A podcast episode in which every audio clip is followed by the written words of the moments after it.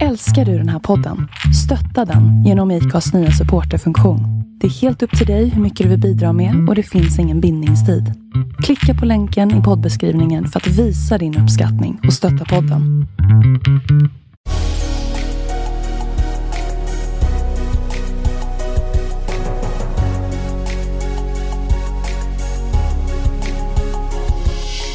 Välkommen till podden Vart är vi på väg? I denna podd intervjuar vi sociala entreprenörer och andra personer som är involverade i ekosystemet kring socialt entreprenörskap. Vi vill ge dig som lyssnare tips och inspiration till hur innovativa idéer och entreprenörskap kan vara lösningen på de samhällsutmaningar som vi står inför.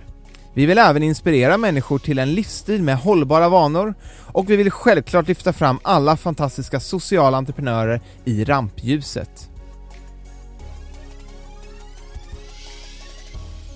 Välkomna till dagens avsnitt av podden Vart är vi på väg? Så kul att ni är med och lyssnar och följer vår resa.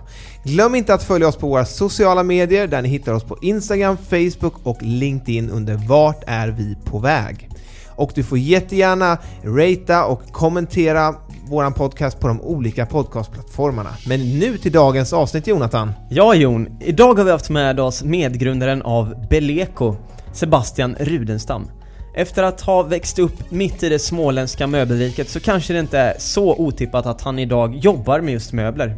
Uppväxten var ju starkt präglad av entreprenörskap i olika former då båda hans föräldrar själva var entreprenörer. Därav så kom många av samtalen kring middagsbordet att handla om just olika utmaningar och hur man kunde se lösningar och hitta nya affärsidéer för att tackla dessa. Idag total förändrar Beleko möbelbranschen och man tror på en miljard i omsättning inom de närmaste åren. Kanske är detta Sveriges nästa tech-unicorn. Häng med i detta samtal så får ni lära känna Sebastian lite mer och även hur Beleko revolutionerar möbelbranschen. Så vi kör igång helt enkelt. Det gör vi, häng med! Ja, då var vi här igen, favoritstunden på veckan när vi får träffa alla fantastiska personer som vi får äran att ha här i podden. Absolut, och eh, vi sitter ju här på Clarence Sign Hotel som vanligt och spelar in. Ja, Eh, nu börjar det bli mörkt ute. precis, men eh, varmt här inne. Ja precis, så är det. Och idag har vi med Sebastian Rudenstam, co-founder av Beleko. Stämmer, hej! Hej! Jättekul att jag får vara med. Så kul att du är här. Hur är läget med dig idag? Det är bra, det är mycket att göra, många möten som man springer på. Eh, men det är väldigt roligt också. Kommer du kunna ta helg efter det här? Det är ju fredag eftermiddag när vi spelar in det här. Kanske, Kanske. jag jobbar ganska mycket men jag försöker att på helgerna hitta på saker som med, med självutveckling. Okej. Så helgerna blir lite så här andas innan Ja. det är på det igen på måndag. Vad innebär det självutveckling?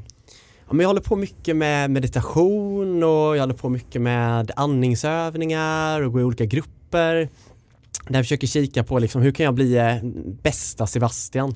För om jag är bästa Sebastian då tror jag också att jag kan eh, ge mest av mig själv då eh, till företaget och få ut den här tjänsten i världen. Vad grymt! Mm. Vad är det som eh, har gjort att du har kommit fram till att du vill köra det här självutvecklingsbitarna? Jag tror det började med att, alltså när jag växte upp så har jag nog alltid vetat vad jag vill göra. Jag vill jobba med liksom entreprenörskap och det har alltid varit så sedan jag var, var ung. Eh, och sen när jag var i 20-årsåldern då började jag fundera på, okej men vad, vad behöver jag göra för att bli liksom riktigt framgångsrik inom det här med entreprenörskap? Om det är det jag vill bli, om jag vill bli framgångsrik.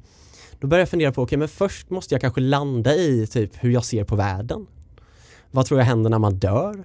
Eh, alltså många av de här stora frågorna som jag tror många andra skulle gå runt och fundera på. Så det funderar jag på först eh, och sen landar jag i någon typ av sanning som eh, jag känner eh, passar för mig. Eh, och efter det så börjar jag kolla på, okej men nu behöver jag inte gå runt och fundera på de här grejerna längre. Eh, vad måste jag göra då? Nej, men då måste jag kolla på mig själv. Hur lever jag? Vad äter jag? Dricker jag alkohol då och då? Eh, hur påverkar det mig om jag ska jobba väldigt mycket? Eh, och sen så, när jag hade tagit tag i de grejerna, det var då företagandet kom. Så jag ser det lite som ett Du la en, recept kanske. en eh, bra grund då kanske eller? Ja, men jag tror att grunden fortsätter. Så men det är nästan som att man, man har sin lägsta energi, men den här lägsta energin den höjs varje dag. Så till slut så är man på högsta energi där man förut var, eller lägsta energi rättare sagt, där man förut var på högsta.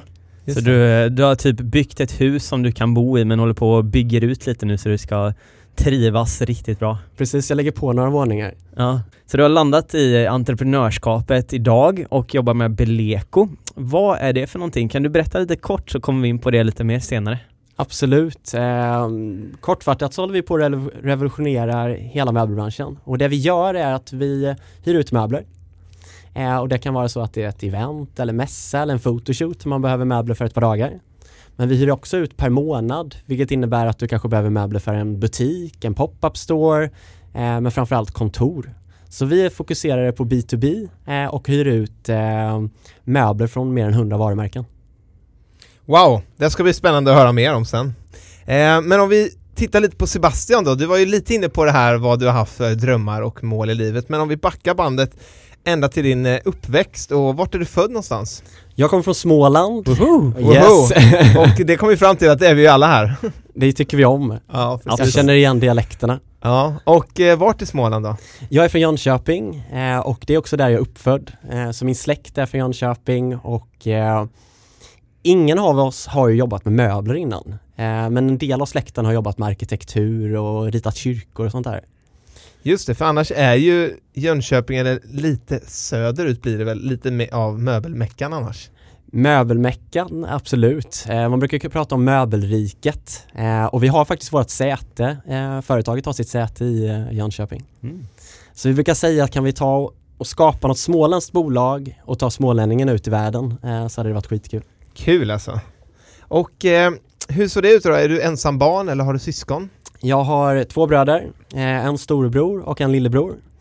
Eh, och eh, min storebror bor fortfarande i Jönköping, min lillebror delar jag faktiskt lägenhet med. Okej. Så att det är jag, han och en annan kompis David som också är entreprenör. Eh, så vi har en stor lägenhet här i Stockholm och så bor vi lite som i ett community. Ja, det. Och det funkar skitbra liksom. Ja. Då har man en typ av familj samtidigt som man jobbar skitmycket. Då. Mm, är ni alla entreprenörer alla tre? Var. Albin håller på med musik, det är som min lillebror eh, och han producerar musik så det är hans grej eh, och eh, David håller på med eh, cannabisprodukter. Okej! Yes, eh, och det här är, det är ju sådana här CBD-produkter utan THC så det är ingenting man blir hög på utan det är produkter då som är bra för huden eller bra för magen och sådär. Okej. Är, det, är det lagligt här i Sverige? Det är lagligt eh, så länge som det inte är någon THC, det vill säga det som man gör, man gör hög, blir hög av då. Det som folk brukar säga. Så att eh, så länge det bara är CBD eh, så är det helt lagligt i Sverige. Och hur var det att växa upp eh, tillsammans tre bröder då? Var det livligt? Som jag kan tänka mig att det var. Jo men det är nog ganska livligt ska jag säga. Eh, sen är vi jag tror vi kompletterar varandra ganska bra. Eh, vi är ganska olika eh, alla tre då, så vi är inte för lika att vi alla håller på med viss sport eller något sånt där då. Eh, utan vi, ena personen har hållit på med någonting och jag har hållit på med en annan och Albin har hållit på mycket med, med sport då framförallt då. Eh, så jag tror att det, för oss har det varit väldigt givande att vara tre bröder. Eh, jag har ingen syster så jag vet inte hur det är. Eh, men eh, för min mamma har ju alltid, hon har varit ensam tjej i familjen då, så fyra män som hon har sagt liksom och henne. Ehm, men ja, det hade varit jättebra. Jag vet ju som sagt inget annat. Nej Eh, men precis, det är väl så i alla lägen. Man har ju inte att jämföra med. Men på vilket sätt så har ni liksom följt varandra åt dem? Jag tänker ni har varit inne på lite olika spår så där, har ni ändå följts åt på något sätt? Jo men det skulle jag säga, vi har ju väldigt bra relation eh, och min lillebror som sagt delar jag ju lägenhet med. Så att ehm, mm, vi följer ju varandra på ett sätt men jag tror att man får respektera varandra, att man alla tar olika vägar i livet. Och det är helt okej och just nu bor jag med min lillebror men innan dess var han ute och reste jättemycket i Australien och Asien och inte bott i Stockholm. Medan min storebror har familj då istället och, och bor i Jönköping. Eh, så man ses när man ses, eh, framförallt då med min storebror. Eh, men det är kul att han gör sin grej och jag gör min grej och Albin får göra sin grej. Mm. Eh, och vidare där kring skola och, och fritidsintressen då när du växte upp, hur, hur var det och vad, vad intresserade dig? Jag har ju alltid sett detaljer, har alltid tyckt det var kul att tänka utanför boxen så att vi är uppväxta i en familj där vi hittar på väldigt mycket grejer. Eh, så att det kan vara att man eh, bygger hus eller renoverar lägenheter eller får företagsidéer som sedan realiseras eh, någon månad senare. Så det har alltid varit så här, allt är möjligt och vi har blivit uppväxta med liksom att ni kan bli precis vad ni vill. Vi kommer vara glada om ni blir precis vad ni vill. Eh, men jag har ändå känt kanske någonting är i att liksom oavsett om vi gör vad vi vill så, ska vi ändå bli duktiga på det. För att jag tror att det ger någonting att vara bra på någonting. Vad det än, än är man väljer att vara bra på så tror jag man får en viss själv, eh, eh, säga, självsäkerhet och en, eh, en grund att stå på när man känner att man är duktig på någonting. Mm. Och hade det varit att vara sophämtare eh, och startat en sådan firma eller om det hade varit att hålla på med möbler eller kläder eller IT, jag tror inte det spelar någon roll utan man måste bara hitta sitt kall. Mm, och du sa det att du var inne väldigt i ung ålder på att du skulle bli entreprenör. Varför ville du bli det? Men jag tror min pappa är ju entreprenör, eh, från min mammas familj där är jag också entreprenörer. Eh, så att jag, jag tror bara jag är uppväxt med det och, och vi, är, vi är så vana tror jag i familjen att när vi satt vid middagsbordet då diskuterades kanske inte så mycket så här politik eller har ni hört om det här på stan utan det var mer så här ja jag eh, såg det här idag jag tänkte att man om man vill förbättra det så gör man på det här sättet eller jag har funderat på den här utmaningen med vad vi ska göra med all, eh, all snö hur skulle man kunna skapa en maskin liksom för att liksom eh, få, få den att gå iväg på, på vintrarna? Så sånt här har vi bara suttit. Och så är min eh, mamma då som heter Marie eh, väldigt visionär eh, och helhetsmänniska och min pappa då Peter han var mer detaljmänniska och tog direkt fram och började liksom räkna på allting och rita upp och sådär. Han kom ju från hans, hans pappa var ju arkitekt då. Um, så då, då lärde man sig att det är det man gör. Så fort det kommer en idé, då gör man någonting med den. Så ni hade som ett mini-inkubatorprogram hela uppväxten då? eller? Ja, jag brukar säga att jag har blivit hjärntvättad till att bli entreprenör. Ja, just det, precis. Ja, men det är väl ändå kanske en bra grej att bli hjärntvättad till då? Ja, ja, alltså jag tycker det är Ja, skitkul. jag precis. tycker om att skapa saker Ja. och det är samma sak där att vi fick lära oss att ja, men vill man drömma om någonting, det får man göra. Man får drömma hur många saker som helst men man har också möjligheten att faktiskt utföra det. Mm. Eh, och jag tror att det var en viktig grej att faktiskt se mina föräldrar utföra så många grejer. För då såg jag att okej, okay, här har man idéer, men hur gör man det för att, liksom, eh, att det ska bli möjligt? Mm. Eh, så då har jag också fått en grund på att det är möjligt att ta hela pick och packet och flytta till Malta som vi gjorde när de fick en idé om det. Eller eh, sälja ett hus eller bygga ett nytt hus eller starta det här företaget. Du vet. Hela mm. tiden har de bara gjort saker. Mm. Eh, mm. och det här med Malta då, när flyttade ni dit? Då var jag eh, 17 19 år, eh, då hade mina föräldrar fått för sig att eh, man måste ju bo utomlands någon gång liksom i livet. Eh, och de hade ju tänkt göra det när de blev äldre, men de skulle tycka det var kul när de hade barn som fortfarande bodde hemma. och vi hade många familjevänner som hade sålt sina bolag och flyttat, bland annat till Österrike och Malta. Då. Okej, och startade de något bolag där då eller var det bara... Det var tanken, det blev inte så, eh, utan det blev faktiskt så att de jobbade därifrån på sina svenska företag. Ja men hur, och hur länge var ni där?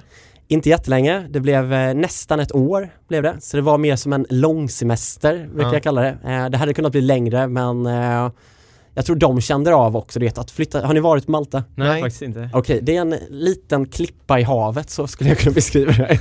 Och det är härligt när man har många andra svenska familjer som vi hade men eh, det skiljer sig ganska mycket från Sverige, eh, så kan jag säga. Så att det, då har man fått den upplevelsen också. Mm. Att det är okej att prova på och sen komma fram till att nej men det här var nog inte vad vi ville Mm. och flytta tillbaka. Gick du i skolan där nere? Eh, nej, det gjorde jag inte.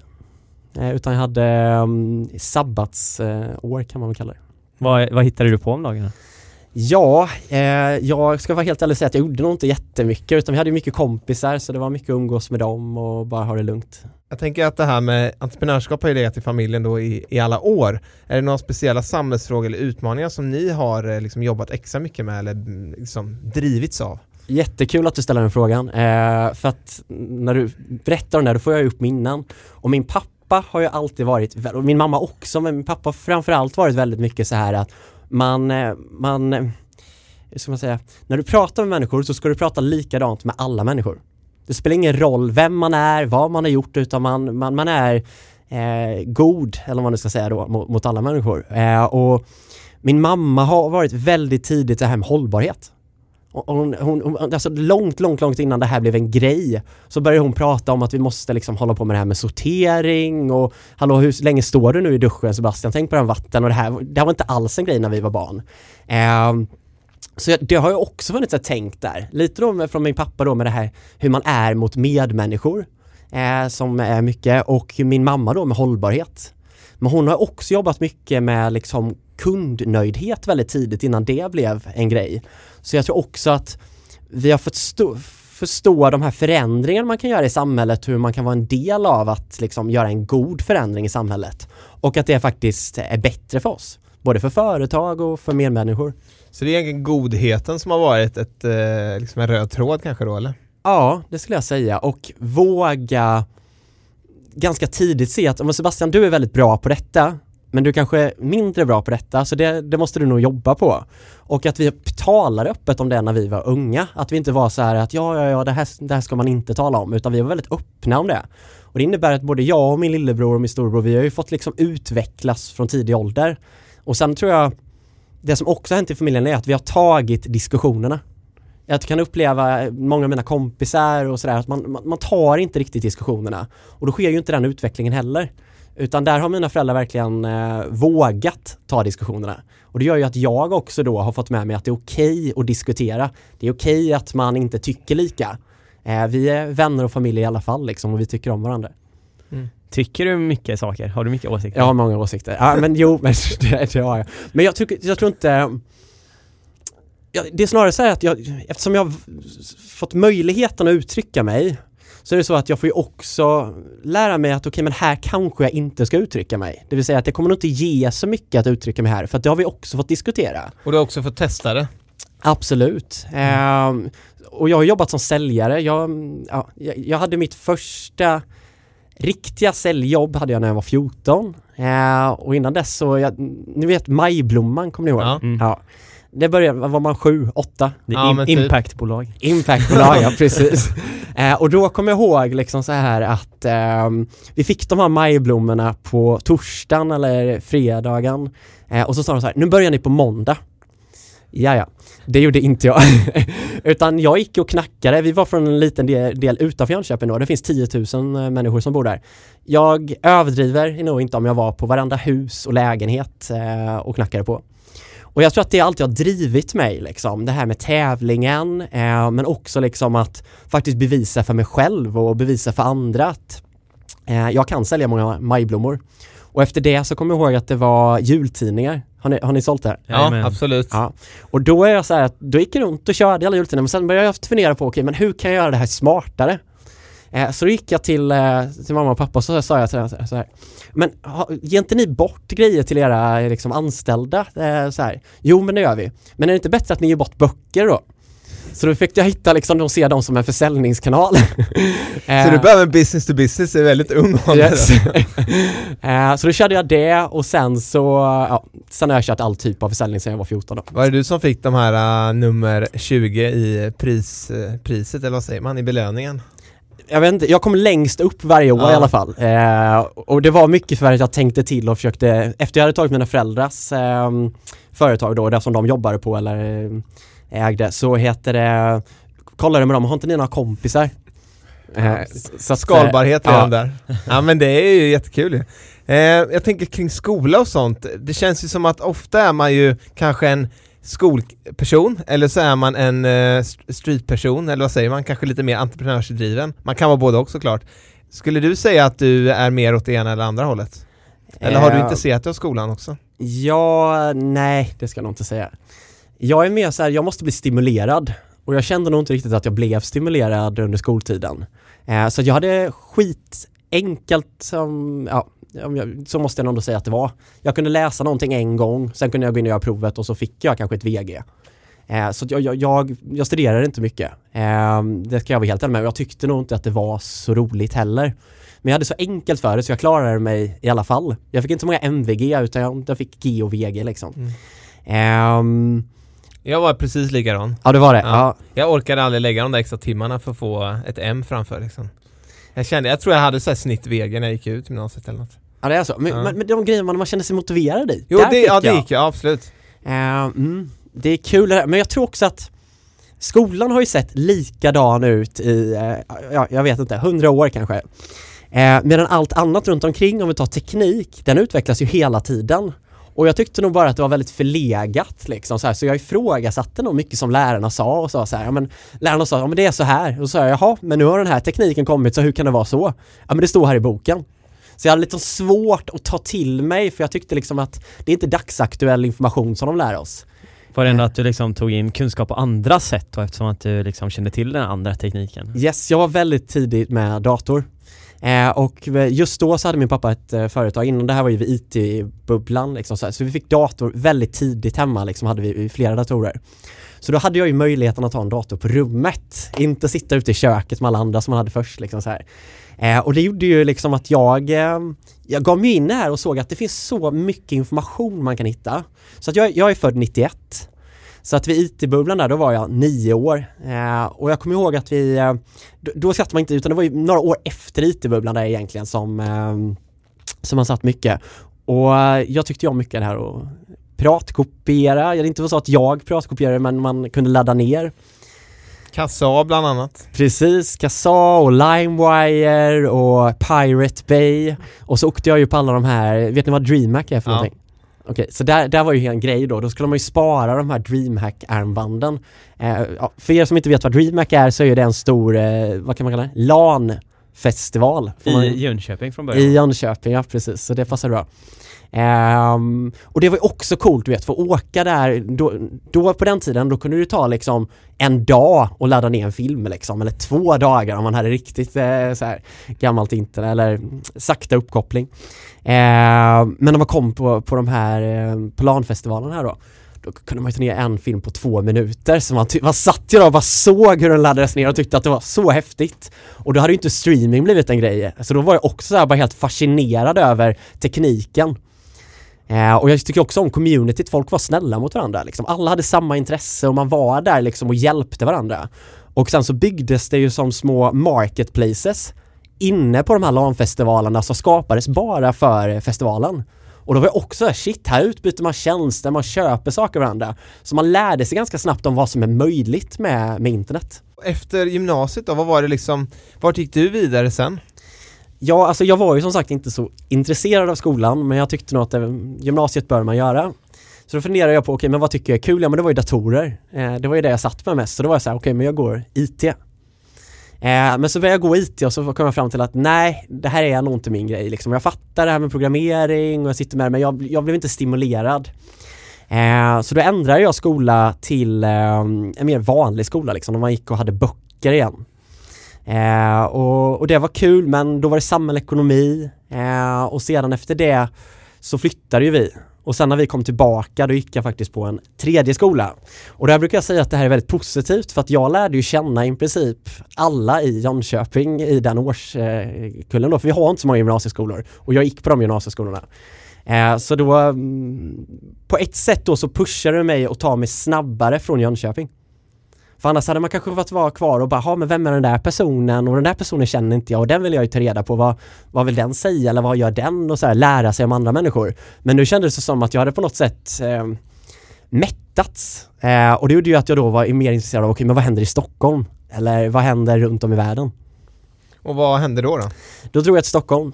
Eh, så då jobbade jag bland annat för tre eh, och sålde grejer, för det var jag bra på. Jag märkte att jag kunde liksom prata, få människor intresserade och jag kunde framförallt få fram vad är, vad är de positiva grejerna med en produkt eller en tjänst.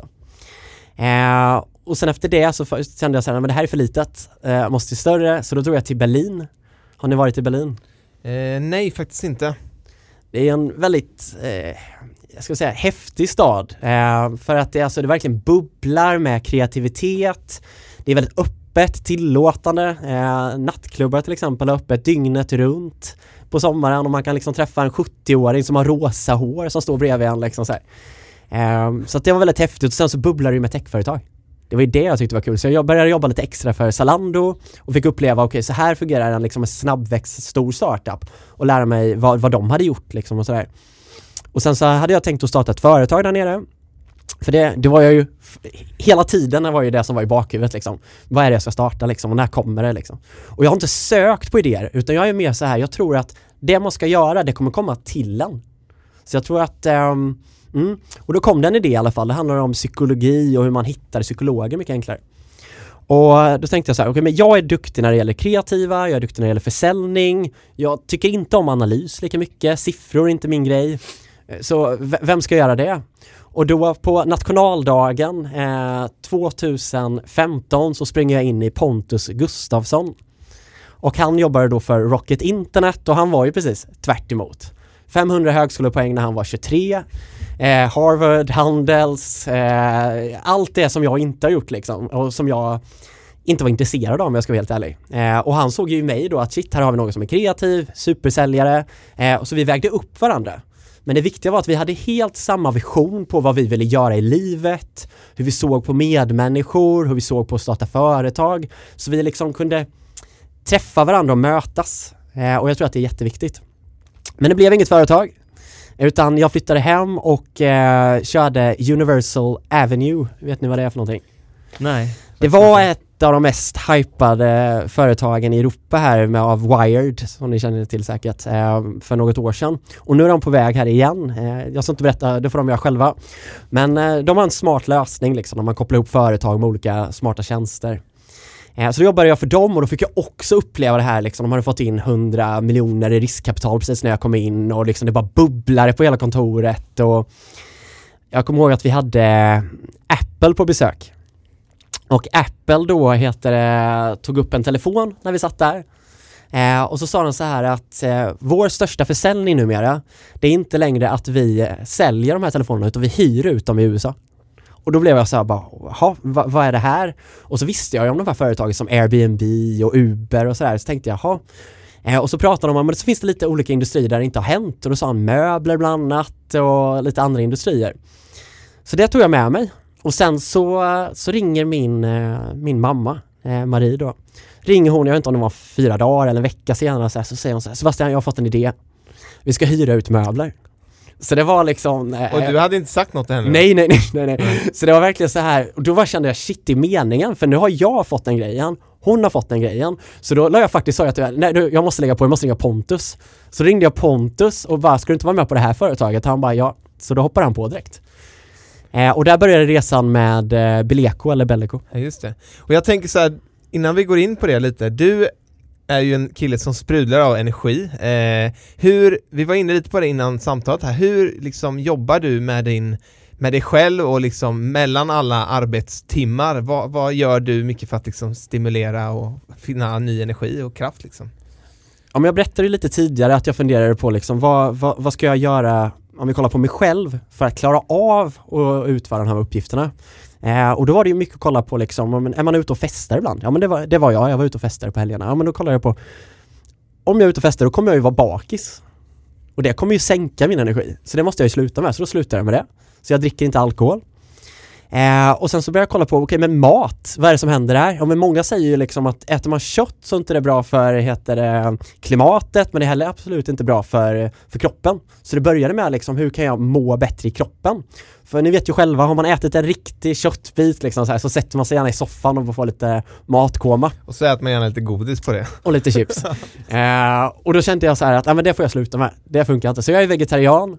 Eh, jag äter inga godis, inga chips, eh, inget sådant. Eh, jag funderar jättemycket på vad jag drar i mig liksom, så jag dricker juicer varje morgon. Och sen så, förutom det där så mediterar jag. Och jag tror det är bra att man gör, vilken typ man än gör liksom, tror jag är superbra. Men det gjorde inte jag. Så då kände jag så här att okej, okay, det här måste jag lära mig. Så då åkte jag iväg på ett sånt här tyst läger. Eh, har ni varit på något sånt här Vipassana-läger? Nej. Okej, det är ett eh, läger man åker på, det finns i Ödeshög här i Sverige.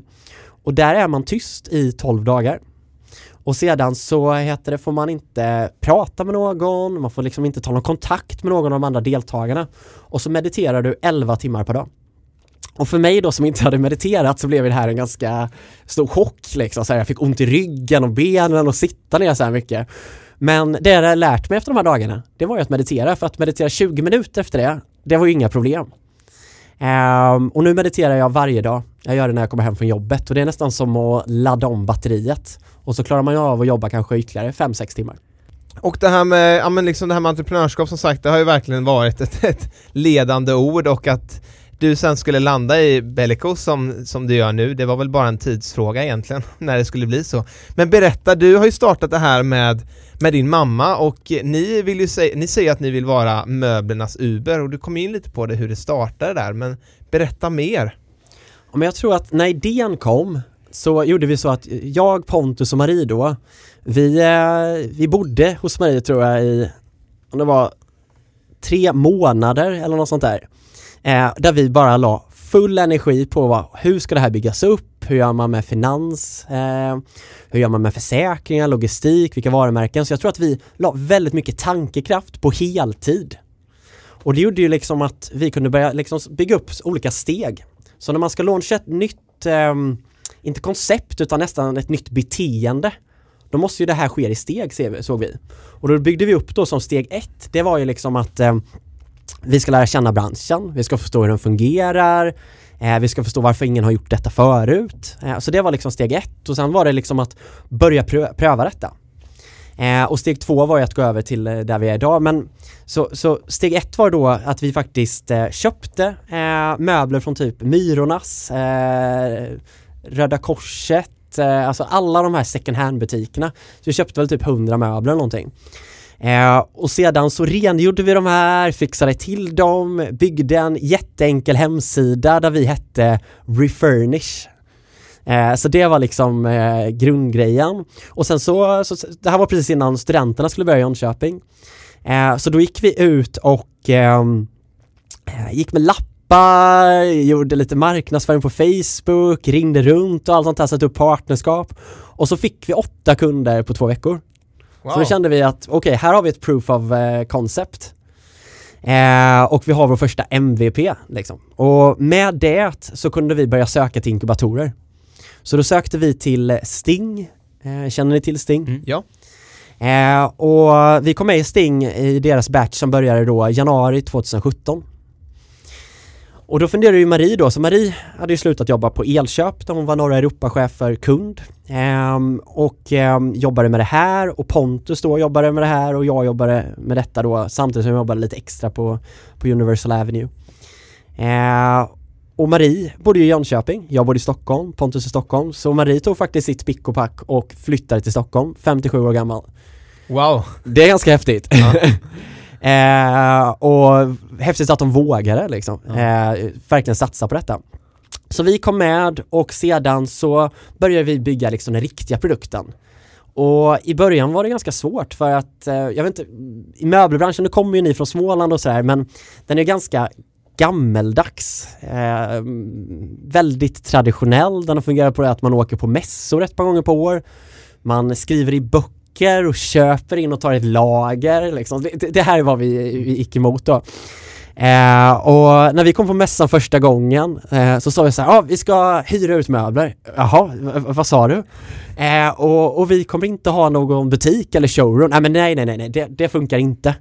Här har man en butik och ni köper in butiksprodukter som ni har och här köper ni på er ett lager av oss och sådär, vet. De var inte alls med. Och ni får ju tänka att det här var 2016 när vi var på den första mässan och, de, och många av de här vi pratade med var så här, vi vet inte om vi ska finnas på internet. Och ja, vi var ju bara såhär, eh, okej, okay. hur, hur tänker ni nu? Och eh, ja, man kan ju säga så här, tre år senare så är det lite annorlunda. De har ju bytt ut mycket av liksom, ledningarna i de här företagen för att, eh, ja. Men det var hur gammeldags det var när vi började med dem. Och ni har varit med och drivit den här förändringen då kanske? Det kan man absolut mm. säga. Eh, bara som sagt då att få finnas på internet och sälja deras produkter. Mm. Bara det var en grej, eller att ens få eh, köpa deras produkter först. Vi sa så här, okej okay, men vi köper er era produkter och så hyr vi ut dem liksom. Då sa de, nej nej nej, det, det funkar inte, vi har redan återförsäljare i Sverige. Jo, jo, men nu gör ju vi något nytt liksom så, här. så det tog tid eh, och till slut fick vi ihop 40 stycken. Och det var faktiskt så att... Eh, 40 möbler? Nej, nej, 40, bra att du, bra att du säger till. Nej, 40 tillverkare som eh, möbelmärken eh, som var på tåget och då kände vi att vi hade tillräckligt, du vet. Man vill ju inte bara ha från ett märke utan kanske många olika. Eh, jag har hört det där just att eh, återförsäljarna är extremt eh, starka inom möbelbranschen och som tillverkare kanske man inte riktigt vågar gå runt dem sådär. Men eh, var det några som gick i bräschen av tillverkarna så att några hängde med sen? Ja, det var ett möte som jag tror betydde väldigt mycket för oss. Jag är inte säker på att de vet om hur mycket det betydde, eh, men det kommer de få reda på nu då. Eh, och då var det, känner ni till varumärket Menu? Eller Menu? Uh, nej, tyvärr. Det, det är ett danskt varumärke. Eh, och eh, då flögs eh, vi ner dit eh, och eh, var på möte med deras ägare och deras säljchefer och fick dem hoppa på. Och då var det lite så här, det är lite som, eh, som man säger, om, om, om, om vissa är med, då hoppar vi också på var det många som hade sagt. Så då kunde vi ringa tillbaka till alla de här möbelmärkena som liksom så här och säga att men nu har vi faktiskt med det här varumärket också. Och då sa de okej okay, men då hoppar vi också på. Så det är alltså, man är lite precis som du säger rädd. Eh, sen är det återförsäljarna sitter på mycket makt. Men det är ju så det ser ut idag. Eh, I de flesta branscherna så förändras ju oftast detta. Just i Småland är det ju ganska vanligt med just familjeföretagande och det finns en stark tradition av det. Men hur, hur har det funkat i praktiken att ha sin morsa som eh, medgrundare och driva bolag med? Och till och med VD nu då? Yes, äh, men för det första fick jag ju sluta säga mamma. Uh, så det jag har ju hört henne. Det var ju den första grejen då, utan jag fick ju lära mig att säga Marie. Det har jag ju aldrig gjort. Men sen är det så här, jag sitter ju här med er och pratar liksom, vi har en relation. Men när jag sitter med Marie, då har vi så många olika relationer. Hon är ju då min mamma, jag är hennes son, vi är familj, eh, vi är vänner, eh, vi är också eh, arbetskollegor. Eh, vi satt då i en eh, styrelse tillsammans, man är ägare, alltså du vet så många olika roller och så många olika hattar. Så det tog ju en viss tid för att just kalibrera varandra och bara se, okej okay, men det här gör du, det här gör jag, så fungerar vi i de här situationerna. Men idag så är det ju klockrent, för det vi har märkt är ju att Marie är Eh, visionär absolut, men väldigt eh, op eh, operation, eh, opera vad kan säga man på svenska? Operational. Oper ja. Eh, vilket innebär att hon jobbar mycket med daily business och liksom kan se, okej okay, nu måste vi göra det här och det här och det här och det här. Medan jag är mer så här, okej, okay, kollar över tid var vi är på väg. Så att hon håller ihop skeppet och jag berättar var skeppet är på väg. Så kan man säga. Du har ju en eh, lite speciell titel som kanske inte förekommer så ofta, CBDO. Vad det, betyder det? Ja, det, det stämmer. Eh, det betyder Chief Business Development Officer. Och det handlar egentligen om att jag är ansvarig för all affärsutveckling, men det handlar också om att man ska jobba med partnerskap, att man en CBDO går oftast bredvid CEO och det är så vi vill se det då, att vi tillsammans samarbetar och delar upp arbetet. Och Pontus där då, vad gör han? Han var med i ett och ett halvt år men precis innan han skulle börja på, på Bellico så hade han fått bli erbjuden om att bli investerare. Och det var en dröm han hade haft sedan han var, var barn. Att få jobba med liksom och hjälpa entreprenörer att lyckas. Eh, och efter ett, ett och ett halvt år så var det faktiskt så att en av våra investerare som hade investerat i Bellico de två hade blivit bra kompisar, så då så kom Pontus och sa att nej men jag tror faktiskt jag ska bli investerare istället. Eh, och vi tyckte det var skitkul, så att Pontus är med ibland, han är fortfarande på Slack om ni känner till eh, mm. ja, det här chattprogrammet. Eh, och han är med, vi springer ju på varandra hela tiden liksom så. Eh, så han är en del av Bellico, men han jobbar inte aktivt eh, längre, utan nu investerar han faktiskt i eh, sådana här hållbara företag. Jag vet inte om ni känner till deras, eh, det heter ju Plus Cap. Det är ett svenskt investeringsbolag och det är han och Mattias Weinhandel. Det är han gamla NHL, ja, ni har koll på ja, Mattias. Exakt. Ja. Så de investerar ju i eh, hållbara idéer och tjänster. Ja. Och, ja. ja men det är jättespännande. Vi vill ju ha in lite även, vi har ju haft med både investerare och entreprenörer och sådär, så det är ju jättebra tips kanske att ha med här framöver. Jag tror det. Mm. Mm.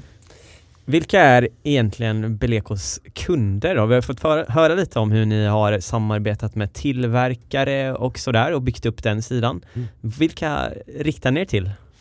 Ja, men vi riktar oss just nu till företag. Eh, så B2B eh, och det är stora företag som ska ha event till exempel. Eh, företag som Samsung, Sony, eh, Norrsken Foundation som ni känner till. Eh, men även företag som till exempel Amazon. Så många olika. Eh, så jobbar vi med butikskedjor. Då jobbar vi med till exempel Filippa K och Uniqlo. Eh, så butiker, event, ehm, men även med eh, stora coworking-företag. Eh, så vi jobbar med företag eh, som till exempel WeWork eh, och då fokuserar vi mycket på deras medlemmar. Det vill säga om ni vill sitta på ett eh, coworking-ställe eh, och så behöver ni möbler till ert rum. Då hyr vi ut möbler till de här. Och vi jobbar även med företag som Epicenter och sådär. Men våran eh, hur ska man säga, sweet sport. Eh, det är företag som är lite mindre, så någonstans 20 till 50 anställda. Eh, det är vad vi väljer att fokusera på. Så då kan det vara just med den målgruppen att man är kanske föränderlig som företag, man växer och liksom flyttar ut från lokalerna kanske och behöver liksom flexibla lösningar? Absolut. Eh, och sen skulle jag säga att det är så här, om jag tänker att ni har en mobiltelefon. Den har ni på ett abonnemang. Många har idag sina datorer och paddor på abonnemang. Eh, bilar, eh, man har mat som levereras. Så det här med abonnemang och subscriptions, det är man så invan i. Eh, så när vi sitter och pratar med företag, då är vi bara ytterligare en subscription. Så då är det inte så här, vad har ni för budget? Utan snarare, vad kan ni tänka er att investera i varje anställd? Ja, men vi kan tänka oss att lägga 1000 kronor per månad på varje anställd eller vi kan tänka oss att lägga 5000 kronor per månad på varje anställd. Så det är högt och lågt och då vet de att det är, det är den kostnaden de har. Så vill de ha en till anställd, ja men då kostar det ju så mycket pengar per månad att lägga till det paketet. Eh, och när vi sitter med större företag, eh, vi sitter med några riktigt stora företag som vi håller på att göra kontor åt eh, just nu. Eh, då är det viss del flexibiliteten att de kan förändra sig över tid eh, och att det är hållbart. Eh, och det är just det här med det hållbara, det cirkulära som de går igång på. Så när vi sitter där så frågar vi ofta så här, men varför har ni valt oss? Eller varför sitter vi här idag? Och då får vi alltid till svar som att ja, men vi har förstått att ni är den enda cirkulära möbeltjänsten. Och det är så viktigt för våra anställda, medlemmar eller kunder att vi kan gå ut och berätta om att vi gör vårt för, för miljön. Eh, och det är skithäftigt för som sagt vi hade ju fokuserat på de här mindre företagen och nu sitter vi med de stora företagen och håller på. Eh, och det är kul att framförallt här i Stockholm då att företag verkligen bryr sig om hållbarhet. Vi har inte gått in lite på vår affärsmodell eh, men jag skulle kunna berätta lite om det, vad det är vi gör som är unikt och varför det här är så hållbart. Eh, om ni tänker att man har en linjär linje så har man någon som tillverkar möbler, man har ett varumärke som köper de här tillverkade möblerna och så har man återförsäljaren som säljer de möblerna. Det är, det är så. Och då, då, då, skapas det, används och slängs. Sex av tio möbler slängs i Sverige. Det, det är så det ser ut. Och det vi gör då när vi skapar ett cirkulärt flöde, det är att vi går till varumärken, tillverkare och faktiskt återförsäljare och säger att ni kan vara en del av vår plattform, men ni fortsätter äga möblerna. Vi äger inte möblerna utan ni äger dem och vad det innebär det är att istället för att de tjänar pengar en gång så tjänar de pengar varje gång möblerna hyrs ut. Så förut så tillverkade de och sålde, det vill säga då slutade de i många fall bry sig om vad som hände med de möblerna. Vilket innebär att det fanns inget incitament för dem om man kollar ekonomiskt på att faktiskt skapa bra möbler som håller över tid. Eller börja bry sig om vad det är för material man har. Men nu då med vår affärsmodell så finns det incitament, det vill säga att om möblerna går sönder om två år eller fem år eller tio år, ja men då slutar vi tjäna pengar. Så nu ger vi dem ett incitament att skapa bättre produkter av högre kvalitet. Och sen också är det ju så här att prisbilden på många designmöbler, den ser ju ut så på grund av att det kostar väldigt mycket att tillverka de här möblerna. Men om de tjänar pengar flera gånger, varför måste prisbilden vara så hög? För att om jag går och hyr en Voi till exempel eller liknande, då betalar ju inte jag som det är att köpa den när jag hyr den, utan jag betalar ju en liten summa för att de tjänar ju pengar över tid. Och det är ju samma sak som vi får in här, så vi ser ju att både klimatet är vinnare, vi ser att tillverkarna är vinnare eftersom de får vara med och bli cirkulära. Eh, men även kunderna då, att vi ser att prisbilden kan gå ner över tid. Så det är som att vi vänder upp och ner på hela möbelbranschen. Ja, och man kan också unna sig kanske lite mer eh, kvalitetsmöbler och designmöbler utan att det behöver kosta jättemycket. Ja, och kolla på produktion. Idag så i möbelbranschen så har mycket produktion flyttats till till exempel Polen, Indien, Kina. Eh, och det gör man ju för att man vill göra så billiga produkter som möjligt eh, för att vi pressar på med priserna då, vi, eh, vi kunder. Men nu när vi sitter med de här stora möbeltillverkarna då börjar de ju se att oh, men, vi kan ju faktiskt börja tillverka i Sverige igen. Så det kommer ju också påverka liksom hur man tillverkar möbler. Så vanligtvis när vi sitter med de här så är det inte säljare eller säljchefer, VDs, utan vi sitter med ägarna till några av världens största varumärken. Eh, och det är ju coolt liksom att se hur de verkligen anammar den här förvandlingen. När man drar igång ett sånt här företag, ni, ni sa ju det att ni, ni köper egentligen inte in några möbler direkt så, men jag kan tänka mig att det kostar en hel del och hur har ni finansierat den här uh, resan som ni har gjort de här uh, åren ni har varit igång? Ja, vi har ju försökt att ta hjälp av ekosystemet som finns. Eh, så när vi började i eh, Jönköping eh, då kostade det ju 50 000 kronor att sätta igång ett aktiebolag och de pengarna investerade vi då. Men sedan så kan man ganska snabbt be om olika lån. Så Almi har ju något lån som är, jag tror det är 200 000 kronor. Så då tog vi det Sen gick vi till banken och sa, men kan vi inte få en checkkredit på lika mycket? Jo, det kan ni få. Ja. Då hade vi skapat 400 000 kronor ganska snabbt där.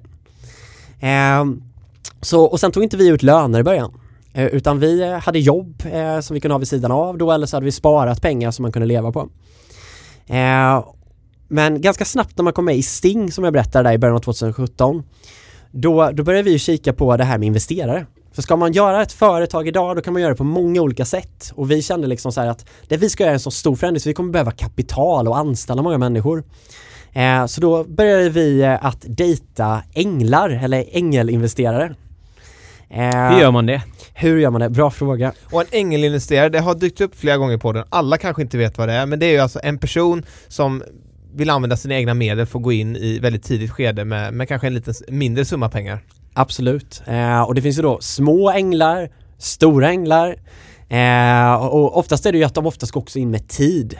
Och de går in i så tidigt skede så i vårt fall så fanns det ju egentligen ingen produkt när de investerade. Utan det var ju liksom en powerpoint-presentation. Eh, så vi fick in, eh, jag tror vi fick in två miljoner första, första rundan eh, på just en powerpoint-presentation. Eh, och det är också ganska häftigt för det har inte jag gjort förut, så här, tagit in pengar eller pratat med investerare. Eh, så både jag och Marie och Pontus, vi har fått lära oss ganska mycket under tiden. Och då är det bra att ta hjälp av företag som till exempel Sting eller Almi och många sådana här som kan berätta lite om hur man gör. Och sen tror jag man bara får vara snabb på att lära sig. Man får göra fel, fel, fel, fel och sen blir det rätt. Mm, och det här med Almi, ni fick ju nyligen in en ganska stor summa pengar från deras fond. Berätta om det. Ja, eh, vi tog in från flera stycken så Almi var en del av vår senaste såddrunda som det kallas då. Så att man har ju sådana här sådd, A, B, C, många olika rundor. Eh, och nu gjorde vi vår sista A-rund, eh, sorry, eh, såddrunda. Eh, och den här såddrundan var 18 miljoner kronor. Och det roligare var faktiskt att vi skulle bara ta in 9 miljoner kronor. Så vi blev ju övertecknade, det vill säga att det blev så stort intresse för det här företaget. Eh, så vi valde att höja eh, både värdering eh, men även heter det rundan under tiden som vi tog in pengar. Så det betyder typ att ni släppte en, en del av bolaget men när intresset blev så stort så släppte ni fortfarande samma del av bolaget fast till en högre värdering. Exakt så gjorde vi och det här är ganska unikt. Jag vet inte många företag som har lyckats med det, det vill säga att man redan när man har öppnat rundan höjer värderingen och höjer rundan. Eh, och det, nej, det var ju skitkul liksom för att ju mer pengar vi har ju mer möjligheter får vi att faktiskt göra någonting som är bra liksom, för samhället och förändra det här eh, beteendet. Mm. Kan du förklara lite kort det här med, du nämnde A-runda och B-runda och sådär. För de som lyssnar som inte är så hemma inom de här termerna. Absolut. Eh, jag har ju också fått lära mig, ska jag vara helt eh, ödmjukt säga liksom, att det här kunde inte jag heller förut. Men eh, det handlar om att när man ska göra ett oftast ett techbolag eh, är det ju då, eh, så kan man, måste man ta in investerare för att klara detta. För nu lever vi i en tid där teknik är så tillgängligt så att vem som helst kan egentligen kopiera ganska enkelt för man hittar varandra på nätet. Och det handlar om att snabbt bygga någonting och sen få ut det. Och såddinvesterare då är ju oftast änglar eller familjer som går in då tidigt. Men sen när man börjar gå upp på de här A-rundorna då är det oftast väldigt mycket pengar. Men det är fortfarande riskkapital. Eh, men nu kan det vara väldigt rika familjer eh, som har egna family offices. Men det kan också vara, heter det, venturebolag, alltså riskkapitalbolag som eh, som då tar in pengar från många olika, kanske har en fond som är på en miljard eller fem miljarder kronor och så ska de investeras i x antal företag under en viss tid då. Eh, och det är också väldigt spännande för att jag har jobbat med sälj eh, som jag berättade och eh, det här är också sälj. Men nu ska du sälja någonting som kostar väldigt många miljoner kronor. Eh, och jag är ju väldigt säker tillsammans med Marie, liksom andra i företaget, var vi är på väg och vår vision. Men när man träffar någon är det nästan som att man ska gå på en dejt. Det vill säga att den här personen på andra sidan ska få en bild av vem är du? Var kommer vi vara om två år? Vad händer om tio år? Vad har du för intressen? Vad har vi för intressen? Det vill säga, har vi samma vision? Så den här dejtingen får man bli väldigt duktig på. Och jag har nog varit på eh, ett par hundra sådana här dejter eh, de senaste, senaste åren då. Eh, och just nu så lägger jag nästan 50% av min tid på att eh, dejta investerare. Ja, du sa det. Du skulle åka på en liten turné här nu efter att vi eh, säger hej då kommande veckor. Yes, så att nu kommer jag åka till eh, Köpenhamn, eh, London och Helsingfors. Och eh, det som är så bra är att vi får ju hjälp av bankerna, olika ekosystem i de här länderna och handelskammare så de hjälper ju till att liksom eh, fixa de här mötena. Men sen är det upp till oss att faktiskt prestera och lägga fram liksom en modell och visa att ja men så här gör vi med logistik och så här gör vi med finans, så här får vi tag på möblerna. Så det är också upp till oss att bevisa att det här faktiskt är hållbart, det här kommer kunna gå i skala. För när man kommer till en A-runda då handlar det mycket om att man egentligen ska få en injektion med mycket pengar så man kan skala konceptet. Och det är ju där vi befinner oss snart då. Eh, och det är jättespännande. Då har man ju kommit igenom de här svåra åren där man går till vänster och höger och fram och tillbaka. Eh, och nu på något sätt börjar vi förstå att okej, okay, men det är det här vi gör. Det är det här, så här ska vi göra det och så här kan vi rulla ut det då. Du nämnde här kort innan att ju mer pengar ni får in och ju större företaget blir desto mer positiv impact kan ni ha. Eh, har ni några sätt som ni har mätt eran impact så här långt och eh, hur det ser ut? Jättebra fråga. Eh, vi har tillsammans med IVL, eh, som är ett miljöinstitut, eh, räknat ut hur, eh, en, en schablon kan man säga, det är där vi befinner oss idag. På att om hy, hyr du en soffa, då sparar du så här mycket CO2. Eller hyr du en stol så sparar du så här mycket. Och vi har gjort en, eh, en, eh, hur ska man säga, en uppräkning då med de här talen då som är schablontal är viktigt att säga. Eh, så vi kikar på, okej okay, men efter omsättning och så här många uthyrningar, hur mycket CO2 kan vi vara med och spara inom 10 år?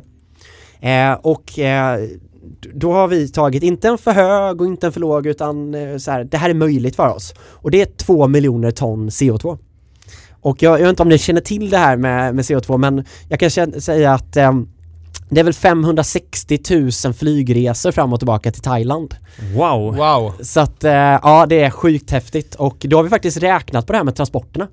Så man tror att transporter är en stor grej. Men det var 2% eh, innan och när vi gör den här nya modellen så blir det 5%. Så den stora delen, det är faktiskt att tillverka möbler. Och det vi gör nu, det är ju att vi tillverkar en möbel, men så får vi den att leva så mycket längre och kan gå till så många fler kunder. Så då sparar man väldigt mycket CO2 då. Vi har ju hört här också att inom fem år så kommer ni omsätta en miljard kronor. Det är ett väldigt ambitiöst mål. Ehm, tror du att det är möjligt och hur ser resan framåt? Vad är nästa steg för er? Jag tror att det kan till och med gå snabbare. Eh, och det kanske är eh, Eh, kan kanske till och med upplevas lite kaxigt att säga så och det, det, får vi hoppas att vi inte gör men det vet vi, vi ser ju vad vi håller på med och vi går in i en bransch, alltså den europeiska, amerikanska, nordamerikanska marknaden den är värd 567 miljarder euro varje år. Så när vi säger att vi omsätter de pengarna då tar vi en sån liten, liten, liten, liten, liten del. Och det vi gör är ju unikt. Vi har ingen annan konkurrent globalt sett med vår affärsmodell. Så visst, det finns företag som hyr ut möbler, men då köper man in och så hyr man ut. Det vi har gjort är att vi har skapat en modell där man faktiskt låter tillverkare bli en del av detta, där man faktiskt kan få sänka priserna, där man kan göra någonting som är bra för klimatet. Och det gör ju att vi har en väldigt unik position som vi försöker inta. Eh, och vi märker också att det här är väldigt avancerat det vi håller på med. Det, det fanns, vi pratade lite om det tidigare så här, vi funderade på varför har ingen gjort det här förut? Och vi har ju fått svaret till det. Det låter väldigt enkelt, hyra möbler, men när något är upppackat, ska fram och tillbaka, har unika identiteter och en asset som man ska hålla koll på, då förändras allt. Så vi har ju fått bygga alla system från scratch, för det finns liksom ingenting man bara kan ta från hyllan och lägga in då. Sen har vi fått skapa egna finansprodukter, skapa egna försäkringar, skapa egna logistikflöden. Eh, och vi ser att mm, det hade ju varit bra, nu börjar ju Kia och andra företag också hyra ut. Men det vi ser att de gör, eh, som de har berättat än så länge, sen kanske det förändras, men det de har gått ut och berättat är att de hyr ut det en gång och sedan säljer de det på fyndet. Och det för oss är ju bra. Eh, det hjälper till att förändra beteendet, men det är inte den här cirkulariteten som vi håller på att bygga. Wow, det här är ju verkligen super, superbra idé och eh, någonting som verkligen kommer att eh, ja, revolutionera. Vi kanske har våra nästa svenska unicorn här på gång. Kanske det. Kan det vara ändå svårt så här att eh, du säger att ni inte har någon konkurrent riktigt, eh, varken i Sverige eller globalt. Eh, oroar dig för att någon kommer komma? Ja, men jag har en eh, tro då, vi pratade lite om det tidigare, att man måste landa i vad man tror här i livet så här typ. Och jag är inte religiös på något sätt, men jag har en tro på att gör man gott så får man gott. Och jag tror nog att vi gör ju väldigt mycket goda saker. Vi har försökt bygga upp modeller där alla tjänar på det. Och jag tror att det är lite som karma. Att det man ger ut får man tillbaka.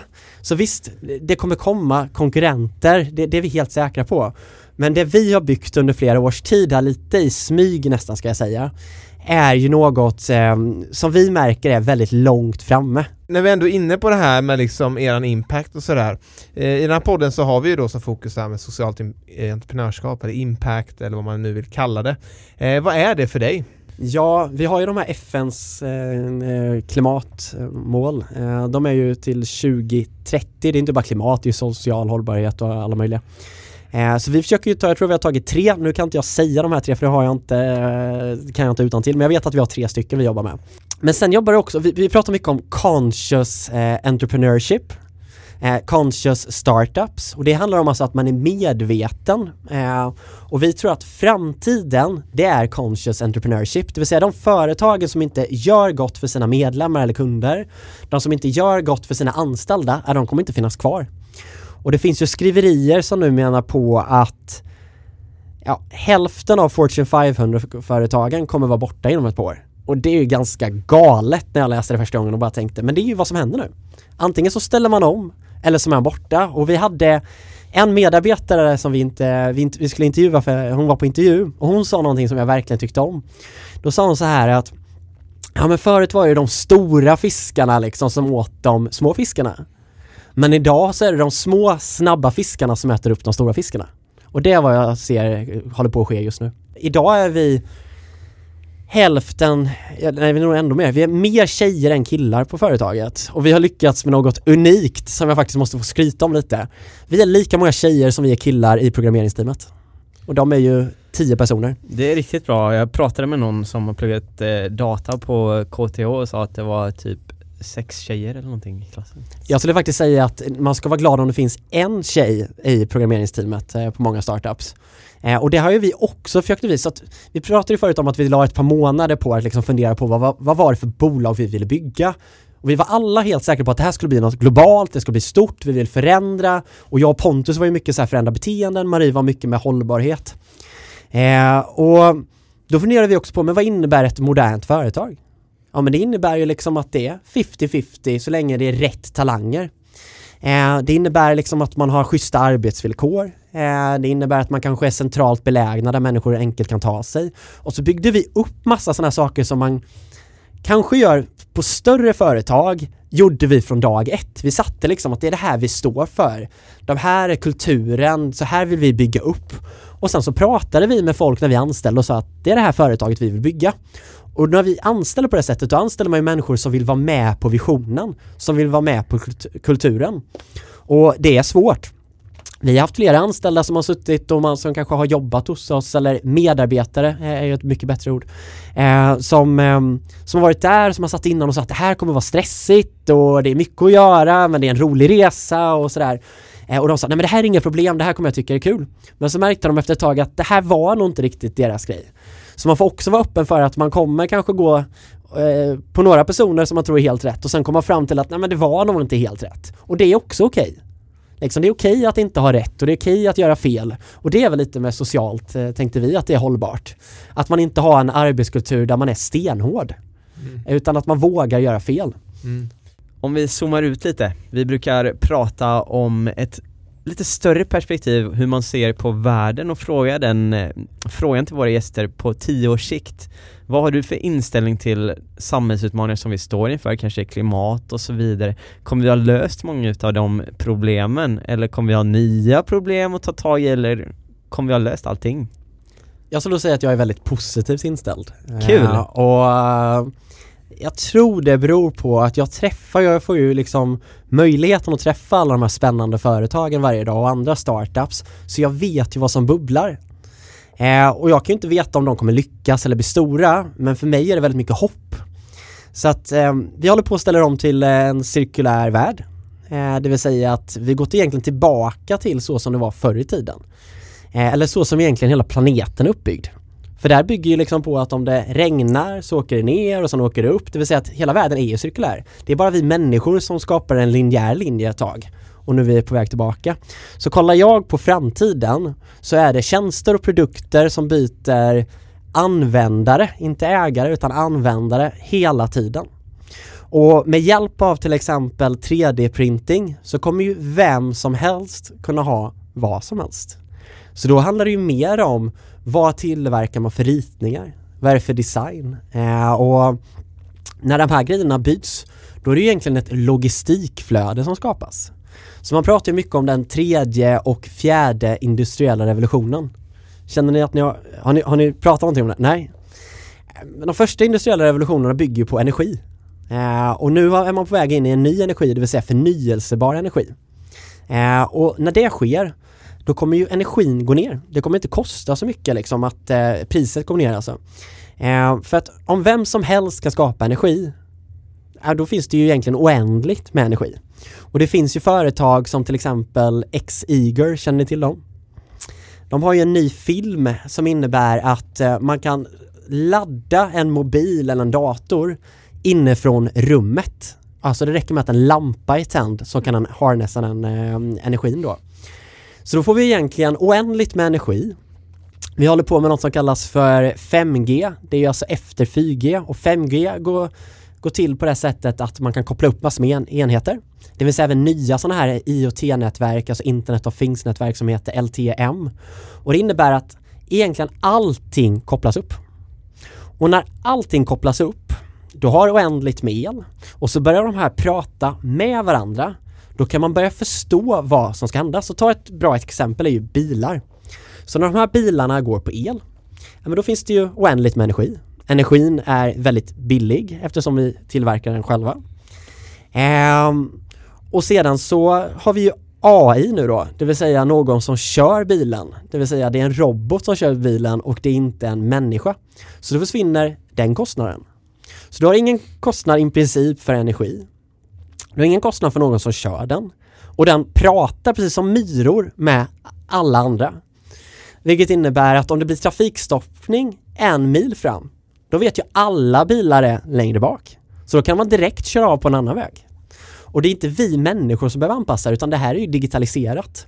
Så jag ser ju, och många andra ser ju att priserna för att transportera sig kommer gå ner.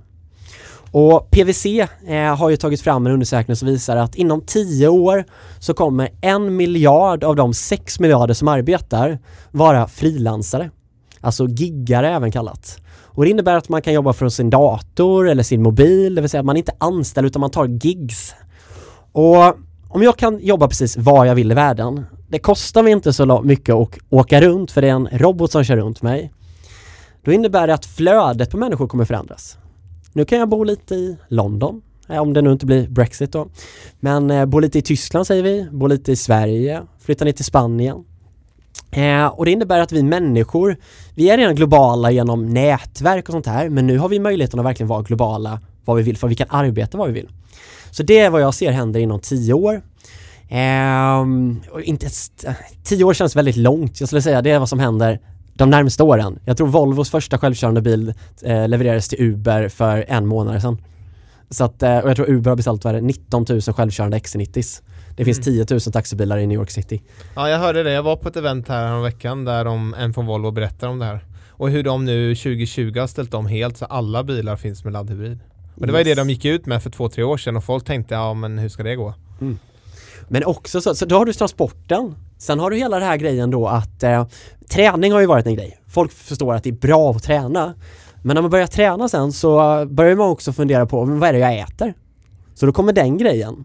Så jag tror många människor kommer börja bry sig mycket mer om hälsa, vad man stoppar i sig och det här med rörligheten. Så förut var det ju att man levde kanske för att jobba lite, tyvärr har det väl så som samhället har sett ut för annars har man ju inte haft råd med mycket saker. Men på grund av alla de här teknikerna så tror jag det här kommer flippa över.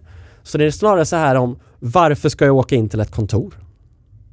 Jag vill sitta här. Jag vill sitta här liksom i Spanien. Varför vill jag komma till Sverige? Jag kan lika väl sitta här nere och jobba eller varför ska jag köpa en lägenhet? Jag vet ju inte ens om jag vill bo där om en månad. Så hela det här flödet då med att äga försvinner ju. Och hela det här flödet med att vara på en viss plats försvinner. Så när vi sitter med stora fastighetsbolag och arkitekter, då börjar man nu prata om, men hur kan vi skapa Eh, spaces, alltså lokaler eller kontor där människor vill vara. Det finns en anledning och då kanske den anledningen inte är att jobba. Anledningen är att kunna sitta och prata och möta andra människor och se känslor och få närhet och få, um, få umgås helt enkelt. Det är det som det kommer handla om i framtiden om man arbetar och lever, att få upplevelser.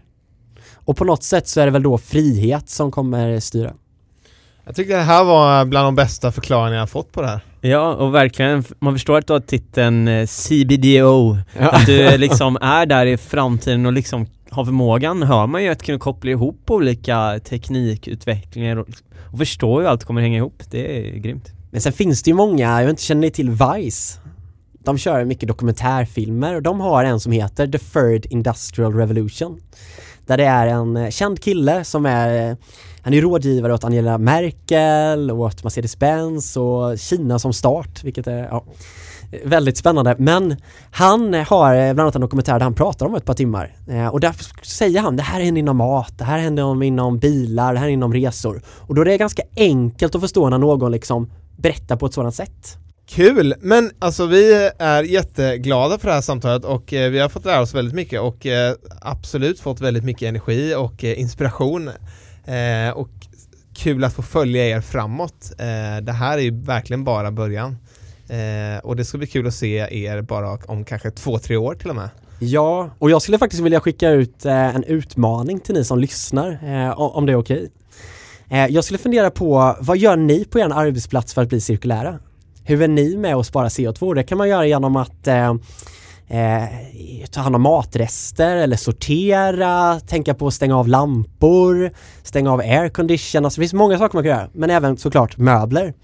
Eh, och jag tror att många butiker, eh, även restauranger eller kontor skulle kunna bli väldigt mycket mer cirkulära.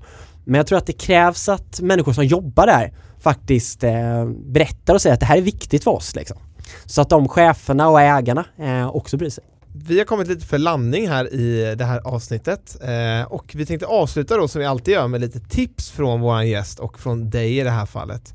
Eh, och det första är då ditt bästa tips till en entreprenör som vill komma igång med en affärsidé. Och jag får bara flika in först för du, var, du sa någonting tidigt som var väldigt viktigt som vi åter som vi hör här hela tiden och det är just att testa idén, validera den direkt.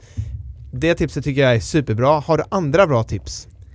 Ja, eh, jag skulle kolla på teamet. Eh, för att man kan ha en superbra idé, eh, men det är teamet som kommer göra det. Och jag hade inte kunnat göra det här företaget själv utan, och jag tror inte Marie hade kunnat göra det här företaget själv utan det är att man hittar folk som är bra på olika saker. Ehm, så kolla på teamet men också var ärlig mot dig själv. Vad är det du inte tycker om eller vad är det du inte är bra på? Det är ju helt okej. Okay. Du är ju bra på andra saker. Eh, och det tror jag vi har gjort mycket så här, lyft upp, okej okay, men Sebastian du ska hålla på med det här, du ska inte röra de här grejerna. Eller Marie, du ska hålla på med det här men du ska nog inte röra de här grejerna. Och så är vi väldigt öppna om det. Så jag tror att man, om man kan komma fram till det snabbt eh, så tror jag det blir väldigt eh, mycket enklare att starta företaget. Mm, så teamet då? Mm. Och eh, tips för att hitta finansiering då, du lever ju i att dejta nu, du är ute och dejtar, eh, inte via Tinder då, men eh, via alla olika investerare. Eh, har du någon tips för någon som vill hitta liksom investerare, hur man ska tänka liksom? Tänk stort. Mm. Ja, men, eh, det jag tror många vill ju verkligen göra någonting som förändrar eh, och, och, när jag säger tänk stort så kanske jag utgår från mig själv. Det är ju helt okej okay att också eh, starta en liten butik och göra det. det. Det finns inga rätt och fel men om du nu vill göra den resan som vi har gjort då tror jag man måste tänka stort från första början och sen ta hjälp vi kommer inte klara det här själva utan ta hjälp av företag som Almi eller Företags Nyföretagarcentrum eller vad det nu, nu kan vara. Det finns så många olika organisationer som kan hjälpa en och som kan utbilda en under, under tiden då. Eh, så att, och det är mm. offentliga verksamheter som man kan få gratis stöd från? Ja, och du kan ju också ansöka då eh, och sen ta hjälp av de här inkubatorerna. Så Sting då är ju en och det är väl Nordens främsta inkubator så att där kan jag ju starkt rekommendera att komma dit. Då får man ju, blir man ju serverad och man får en investering direkt på jag tror ett par hundratusen, 300 000 och sånt där. Så det finns ju mycket sådant man kan göra, ta hjälp då men om du sen ska ta in pengar då hade jag kikat på vad har andra stora företag gjort? Och så eh, copy with pride. Det är bra. Ska man vara rädd eller inte rädd för att eh, ge med sig av sitt bolag alltså, som det betyder när du tar in pengar? Jag tror att man, eh, ja, det beror på vad man vill bygga då, men vill man bygga ett stort företag på det här sättet, eh, som vi har gjort det i alla fall, och göra det så snabbt, då måste man nog tänka sig att man blir villig att ge bort pengar. Det, det går inte annars. Alltså, så. Eh, men jag tror inte det är det som är det viktiga, utan när du hittar en investerare, se till att ni har samma vision. För har ni inte samma vision, ja, men då spelar det ingen roll hur mycket pengar du får in för det kommer ändå inte funka i alla fall. Eh, så jag tror det är snarare då det här, det är därför jag säger ordet dejta. Dejta mycket liksom och var, var inte rä- eh, ska man säga, rädd för att säga nej. Vi har ju sagt nej till jättemånga investerare. För visst, det har varit pengar, men vi ser liksom inte att de kanske kan ge så mycket andra saker. Eh, så kolla på, okej, men kommer de här från samma bransch? Eh, eller vad har de för erfarenheter de kan dela med sig av? Och vi ser ju att när vi har fått eh, snabbast pengar, om man nu ska säga det på det sättet liksom, så är det att vi har kollat med företag i branschen. För de vet ju om problemet. Istället för att gå till någon som inte är i branschen. Så kika med företag, eh, företagare som har lyckats i branschen och som kanske tycker om att investera sina pengar. Mm. Och ett socialt företag som du tror på framöver, lite extra? Volta. Mm. Eh, får jag säga två? Yes? Eh, Det finns även något som heter Wash App. Så Volta, de lägger till eh, mat till kossor. Så man lägger på alger. Och det som händer är att, eh, jag tror det minskar, nu nu får kolla upp siffran men om jag inte missminner mig så tror jag det är så här 70% eller om det är ändå mer 90% så det är en galen siffra som minskar CO2. För de eh, kossorna pruttar ju. Eh, och där kommer det ut mycket gaser och när man lägger på det här på maten då. Så det är ett företag som jag tror kommer bli en raket. Eh, Raket. och eh, men de har vunnit mycket tävlingar, det snackas om dem och så här. Så- jag bara tror att eh, de, de, de känns supersmarta de killarna. Eh, och tjejerna kanske det är. Det, jag har bara träffat två killar dock. Och, Ehm. och Washap där, det hade vi faktiskt med här tidigare. Aha, vem de hade ni här med då? I, I avsnitt 6 här, jag blev tvungen att kolla upp det. Vi hade med Jens Karlsson som är en av grundarna där. Kul, ja men Jens känner jag ju. Eh, och eh, David som jag berättade förut om, som jag delar lägenhet, han jobbar ju även på Washap. Och Pontus som, eh, som har investmentbolaget, det är ett av deras bolag som de har investerat i. All right. Och Washap gör ju då de här biltvättarna där de använder en liter vatten. Och så rengör de bilen där du är. Så man, jag tror de cyklar runt eh, deras washers och de har väl kontrakt med varenda stor bilfirma vad jag vet. Och det är ganska häftigt liksom att få bort alla de här gifterna som kommer i vattnet och så använder de trasor då som sedan då eh, kan tvättas om jag har fattat rätt. Eh, Ja men precis, de har någon sån här miljöcertifierad tvätt så att det går inte ut i, naturen ändå liksom. Mm. Eh, nej det är jätte, jättespännande verkligen. Eh, och ja, vi är jättetacksamma för att du har varit här idag. Eh, gett din tid som du behöver eh, planera väl nu för tiden. eh, och vi önskar er all lycka framöver. Tack så hemskt mycket för att jag fick eh, vara med, jättekul. Tack. Tack. Tack så mycket för att du har lyssnat på dagens avsnitt. Glöm inte bort att följ oss i sociala medier. Vi finns på Facebook, Instagram och LinkedIn och även vår hemsida vartarvipavag.org. Och om du har möjlighet så får du jättegärna gå in och ratea våran podd på iTunes. Yes, och för dig som vill ta del av podden ytterligare så tycker jag att du ska gå in och signa upp dig för vårt nyhetsbrev där du varje vecka får en liten kort resumé av avsnittet men också de bästa tipsen och de bästa insikterna från gästen som vi har haft med oss. Eh, så om du har varit ute på språng och inte haft möjlighet att anteckna något så gör det ingenting utan du får det på ett mail veckovis. En riktigt bra deal helt enkelt. Så se till att signa upp dig så fort som möjligt så ses vi nästa vecka igen.